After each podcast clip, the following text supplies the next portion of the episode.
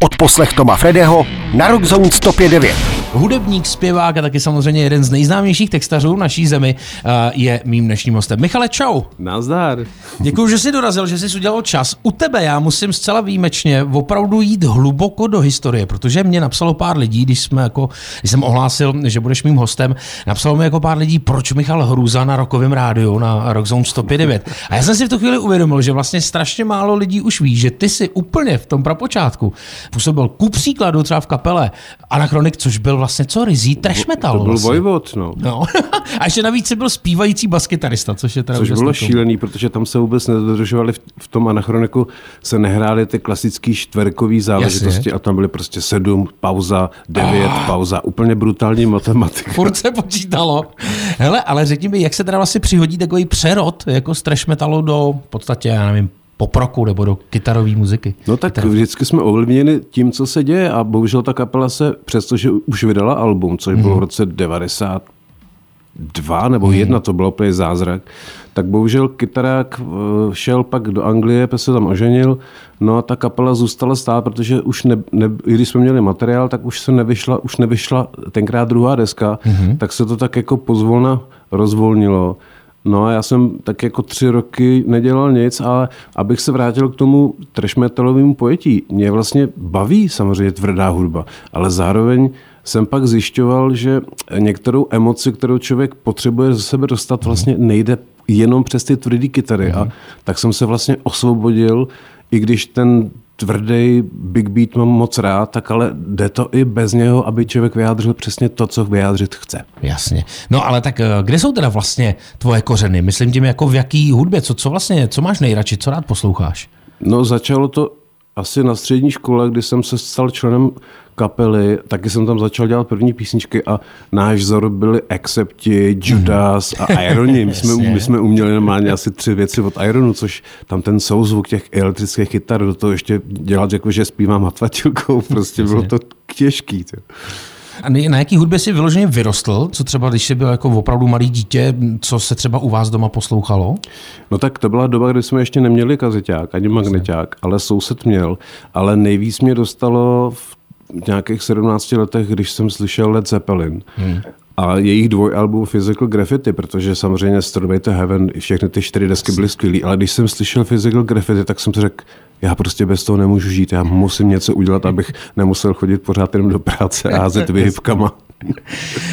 A dostal jsi se k, prostě eh, k muzicírování. Pojďme z té hluboké minulosti do absolutní souča- současnosti až jako přítomnosti. Tobě právě vyšla kniha s názvem eh, Nebudu ti lhát. Autorem si vlastně ty a Petr Vidra, eh, protože ten model byl, že jsi vlastně byl vyspovídán, říkám to správně. No. No a mě spíš zajímá, jak jsi přišel na to, že je vlastně čas bilancovat. Protože já to mám spojený s tím, že jakmile muzikant vydá biografii, vlastně knihu, tak vlastně tím pádem bilancuje. Takže jako přišel už ten čas, Asi myslíš? to tak trošku může být, ale tam je strašně důležitý náš společný zvláštní humor s Petrem Vidrou. My se známe od dětství a pak jsme se nějaký čas nevěděli a když jsem ho začal potkávat v našem rodném kraji Český ráj, tak, tak jsme jenom zjistili, že nejenom ten náš humor, ale že máme opravdu hodně věcí společných. Eh, On je úžasný komik, on má ten dar, že vyjde na pódium a lidi se smějou a on vůbec ani nehne brvou. Jo. Nicméně díky této vzájemné symbioze jsme začali kecat a tenkrát eh, existuje nějaká paní, která prostě dává dohromady články různých lidí, typu prostě i pan Svěrák, prostě kilo osobnosti. Mm-hmm. A tak jsem mu to nějak jednou vyprávěl a pak nás napadlo, že bychom mohli udělat tu knížku fakt jako rozhovorovou.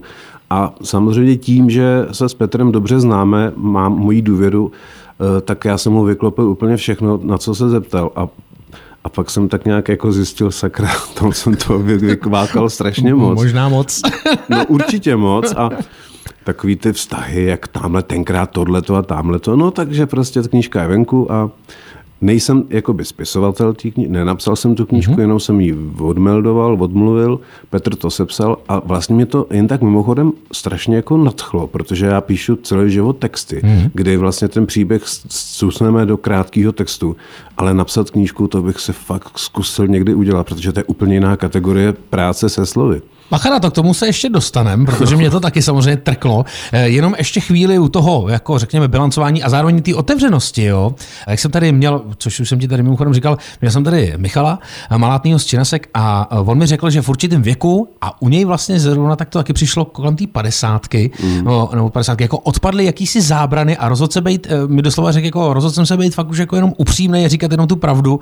Jestli Teď už chápu, jako, eh, že jsi měl tu důvěru v tom Petrovi, eh, jestli by byl takhle otevřený i třeba, kdyby se to stalo o deset let dřív, jako jestli opravdu není potřeba ten No, věk na to. spíš by mi chyběly ty zkušenosti těch posledních deseti let. Aha. A hlavně já bych prostě tím, jak jsem zvyklý s tím jazykem pracovat trošku jinak, tak bych, eh, tady to byl vlastně čistě přepsaný hovor. Jasně. Petr tam občas vložil nějaké svoje vidění, což je úplně v pořádku, ale vlastně vyjádřit se slovem je strašně těžká věc, Eh, takže bych třeba některé věci, je to prostě jenom přepis, takže já vůbec nemám právo do toho vstupovat a říkat, že tamhle to a tohle to je špatně napsaný, protože to není špatně napsaný. To je vlastně Petrova knížka, ale moje jsou tam ty keci, které tam prostě mám. No. No, ale pořád si měl nějaký právo, jak, já, jaký si veta, jako víš, jako No, já hele, jsem- víš co, to tam nakonec nedávejte blbý. No jenže já jsem strašně línej a já jsem normálně, přestože ta kniha má napsáno, že je jediná autorizovaná, tak já jsem si četl jenom takové ty věci, eh, abych byl jako v pořádku, co se týče těch lidí z kapely. Ty jsi a byl jako línej to po sobě přečíst. No, protože tak jako naprostá důvěra a nebylo tam nic, co by nebyla pravda. Akorát jsem si říkal, že jsem nemusel říkat, že jsem tamhle měl nějaký románek před 15 nebo 20 rokama s tamhletou. No prostě Vidrýsek to zneužil, ale vlastně měl na to právo, protože se nesmí kecat v té knížce. My tedy zůstáváme ještě v tomhle tématu. Nejdřív mě zajímá, protože jsi známý, autor textu, nejenom prostě pro sebe, ale i pro jiný, uh, umělce, co jsou tvoje nejideálnější podmínky pro psaní písní? Co jako potřebuješ? Eh, Emoční záchvěv. To znamená, když jsem svědkem něčeho, co je prostě úžasný, nebo zvláštní, nepochopitelný, prostě mm-hmm. To, co mě rozvibruje jako vnitřně, tak mám potřebu zkusit to jako předat dál a tímto způsobem pak vlastně vznikne ten text. No. No ale co když se prostě tři roky nic nestane? tak prostě není deska. No, ale i to, kdyby se tři roky nic nestalo, je tak velký emoční záchvěv, že Pravda, to prostě pravda. by muselo vypadnout něco. No, uh, mimochodem vzpomeneš si třeba na nějaký svůj echt nepovedený text, který šel jako do koše? Třeba co v něm bylo? No, tak eh, proces psaní textu spočívá v tom, že eh, najednou chytnete tu vlnu, nebo chytneš tu vlnu, začneš psát, pak jdeš spát, ráno se probudíš, podíváš se na to, hodíš to do koše, Jasně. protože to je prostě špatně. Jasně. No, já spíš, jestli by tě nenapadla konkrétní třeba Láďa fráze. Brett, právě Aha. z toho tenkrát metalového anachroniku, tak mě naučil říkat, nebo psát jenom to, co je pravda, Mhm. mm-hmm. takže nelhat, to znamená nedělat, že to je jinak, než to je, takže nebát se té pravdy a vlastně nebát se, nemít strach z toho přiznání té pravdy. Mhm. No. No a teď už tedy, na co jsme už narazili v tom předchozím vstupu, uh, chtěl jsem se zeptat, jestli tě nenapadlo, když už tedy vyšla tvá první kniha o, o tobě, vydat třeba, eh, třeba nějakou sbírku básní, přece jenom si textař, uh, a nebo případně, jestli by tě nebavilo právě tedy psát povídky, No povídky to už je jiná kategorie, Mhm. mm-hmm. no. Protože samozřejmě není to román nějaký, to je obrovská příprava a práce asi na to, aby, aby to toho čtenáře jako bavilo, mm-hmm. ale u těch, u těch povídek tam je to prostě už taková uh, menší vzdálenost od toho psaní textu po povídku, čili nějakou myšlenku, Teď jsem třeba začal z legrace no. psát bajky, když jsem mm-hmm. přidomná, nebo bajku, kdy jsem přidomnával lidi k, lid, ke zvířátkům, protože je to taky hrozně hezký podobenství, že někdo je třeba prasátko a někdo je, někdo je opice, někdo je liška, někdo sup, taky. Vrána, Vrána. straka, zlodějka. No a čili je to úžasná, úžasná věc, která mě prostě, protože člověk pořád objevuje něco nového, tak jsem se rozhodl, že bych zkusil nějakou krátkou knížku, třeba dvou, tří, pěti povídek bych zkusil. Vy, koukal jsem na jaře, pojedete s tvojí kapelou Hrůzy. Eh, Jarní turné, vlastně by se takhle dalo nazvat. Budou to klasické koncerty, nebo čeká návštěvníky nějaká špeciálka? No, my, jsme, my jsme se rozhodli, že to uděláme tak jako v klídku. Mm-hmm. Takže budou to takový ty legendární kluby typu Žluťák Jasně. v Pardubkách. No a hodně, hodně tam máme jaký to, myslím, že Esko v Olmiku, prostě ten mm-hmm. takový to univerzitní klubík. A bude to hrozně hezký, protože Uh, vlastně máme z čeho vybírat, protože když jsem to napočítal brutální číslo někde přes 100 písniček, tak samozřejmě to zkusíme vybrat tak, aby tam zaznělo něco, co třeba strašně dlouho nezaznělo. Mm-hmm.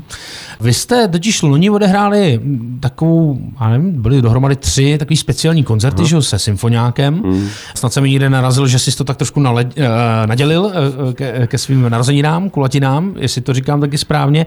Uh, hodláš někdy něco takového zopakovat, nebo jak jsou vůbec pro tebe důležitý třeba takhle speciální koncerty třeba na netypických místech nebo v nějakém složení jako speciální? No tak samozřejmě eh, člověk by měl pořád nabízet něco jako nového a jiného. A tady to, vzhledem k tomu, že tenkrát byl ten covid v tom v těch mých padesátkách, tak to prostě bylo takový sporadický. Dokonce i to album, který vyšlo, tak vlastně bylo strašně zvláštní tím, že se nedalo pokřtít veřejně, protože tenkrát jsme to udělali v Lucernavaru mm. a bylo to bez lidí. No. Jo, bylo to takový, takový ten ty, online. Takový ty a, sedm kamer a, jo, a jo. je to prostě blbá náhražka, ale mm. prostě i tak se to muselo nějak zvládnout a teď mm. prostě budou ty koncerty hlavně zvláštní tím, že tím, že máme tři kytary, tři zpěvy, tak mm-hmm. to bude úžasný, že to vlastně bude znít úplně jinak, protože spousta lidí, když přijdou na koncert v téhle sestavě, protože máme toho nového kytaristu Honzu Horáčka, mm-hmm.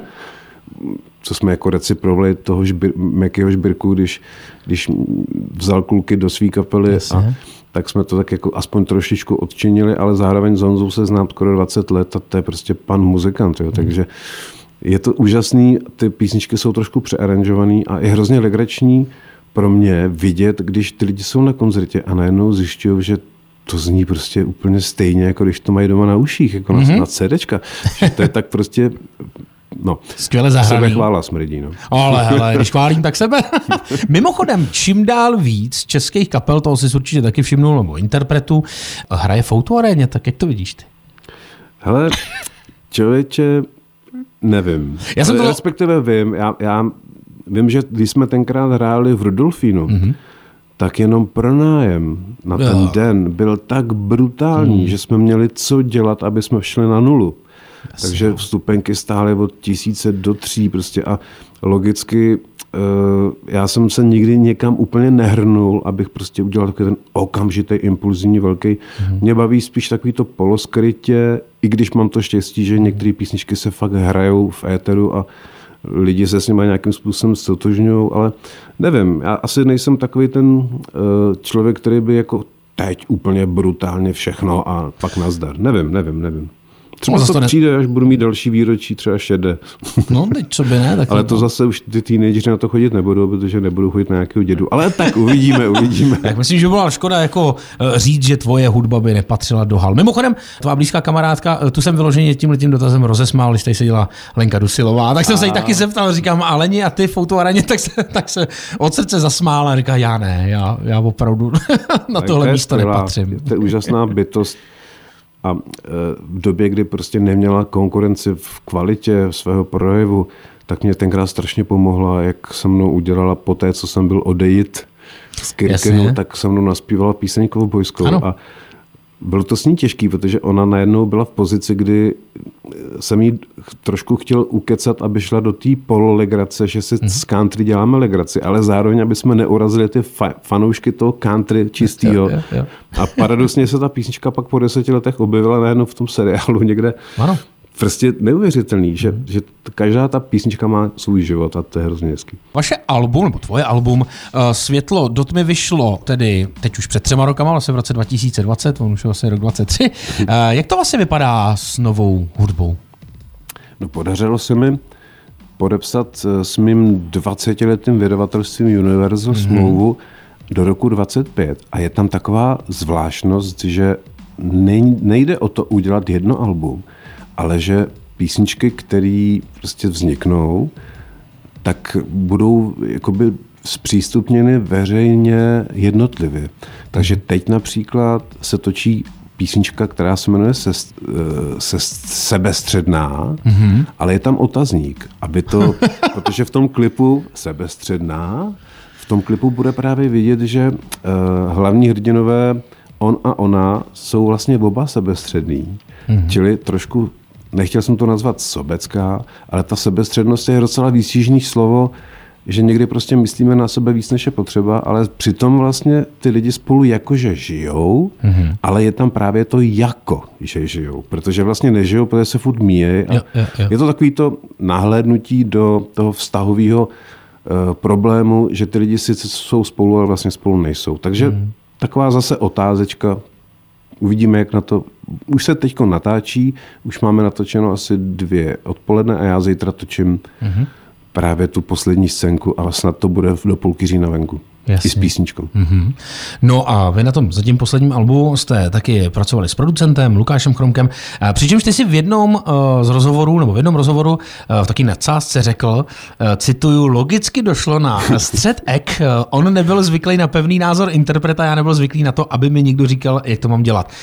Mě zajímá, jestli plánuješ po takovéhle zkušenosti vlastně v budoucnu spolupracovat zase s nějakým producentem, nebo no, pryč od toho? Ono to nikdy není tak či onak. Jo? A mm-hmm. Lukáš prostě udělal obrovskou úžasnou práci, akorát když se pak jako zpívalo, mm-hmm. A on, protože leta hrál s Evičkou Farnou, no, takže hraje prostě, furt. no vidíš, tak ale tak tam prostě Eva je úžasná zpěvačka, že on, když řekne, zaspěvi to desetkrát a já vyberu ty nejlepší kousky.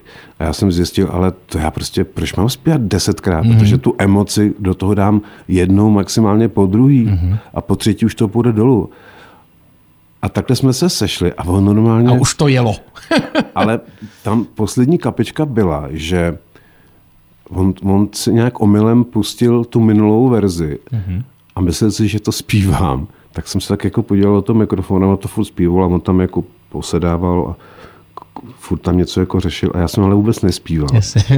a, teď jsem, teď to, a tam byl ten výbuch mýho ega. A říkám, do prdele, to snad ne. A tak jsem, tak jsem prchl Prchl jsem Kirkovi Janouchovi, který ho taky znám strašných let mm-hmm. a mhm. ten má taky studio a tam právě to funguje tak, jak jsem byl zvyklý. Čili tam se sešla moje polostařecká neochota přistupovat na desetkrát zpívat stejnou věc a Lukáš prostě zase nebyl zvyklý, že mu tam Jasně. takhle zpívající hlava prostě odejde. Mm-hmm.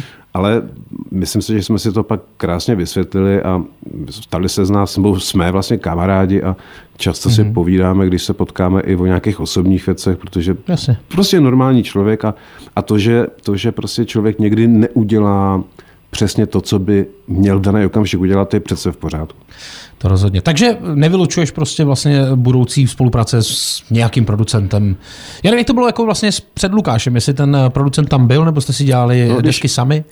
My to máme teď komplikovaný tím, že, nebo komplikovaný, právě máme strašně moc dobrou výhodu, že jsou lidi, kteří úžasně produkují, ať to je Martin Ledvina, mm-hmm. ať, to, ať to je třeba ten David Šibirka, jo, což je mm-hmm. mladý kluk, ale on má prostě v sobě trošku toho anglického způsobu.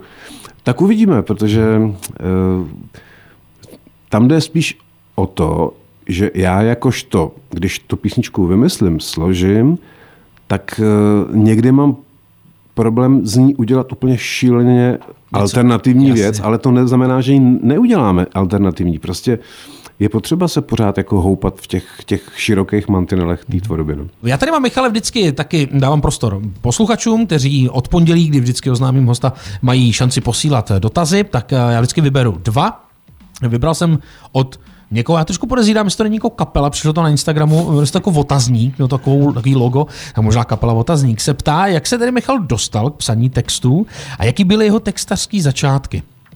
Hmm, dostal jsem se k tomu tak, že to nikdo nechtěl dělat. Mimochodem ani nechtěli zpívat tenkrát na Gimplu že to je prej trapný. A já jsem začínal jako bubeník, ale neměl jsem paličky, tak jsem používal takový ty tyčinky z těch hramínek. Jo. ale to nevadí, prostě... Je, Plnilo to účel. Tak začal jsem sledovat, jak se ty texty jako píšou venku. Měl jsem samozřejmě velikáni psaní textů, Karel Kryl, prostě mm-hmm. to, to byla prostě nedostupná škola, respektive, nevím, prostě postupně a nějak ani pak jsem najednou zjistil, že, že to je úžasná schopnost předat tu, doplnit, doplnit tu myšlenku toho hudebního prožitku ještě tím slovem. Mm-hmm. Takže jak se to jak to začalo tak nějak jako nenápadně v těch 16. Mimochodem si vybavíš třeba aspoň namátkou jako svůj úplně první text? To si pamatuju, to, bylo, to mi bylo tuším 12 a celý tábor jmenoval, meloval platonicky naší spolužačku z jiného stanu, která se jmenovala Moniko. A já jsem do dneška si to pamatuju, napsal takovou pídi básničku, byl to vždy můj sen být tvojím nápadníkem, z okna se díváš ven, krčím se zapatníkem. Taková ale kravinka. to je boží.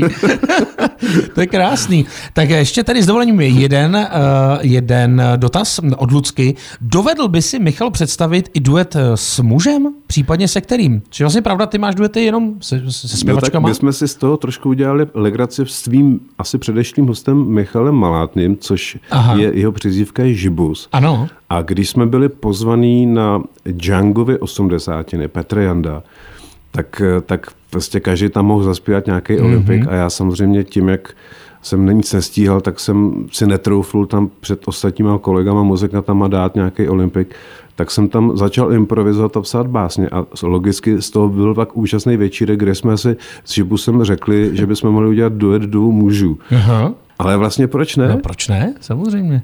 Ty brďo, takže my tady exkluzivně víme něco. Teď otázka, jestli si ten Michal pamatuje. No právě, já jsem mu pak, jsme se potkali někde za půl roku a tak co s tím písničkou, co se děláme s tou písničkou? A on s jakou, já vůbec o čem nevím. A bylo po všem. Ale samozřejmě eh, pak, pak jsem mu to připomněl a smáli jsme se, že by to bylo vlastně docela vtipný. Mm. ovšem otázka je, o čem? O čem? o čem muži Ale touží? to prostě, proč chodí spolu chlapi do hospody? Protože si mm. mají co říct, mm. takže... Mm.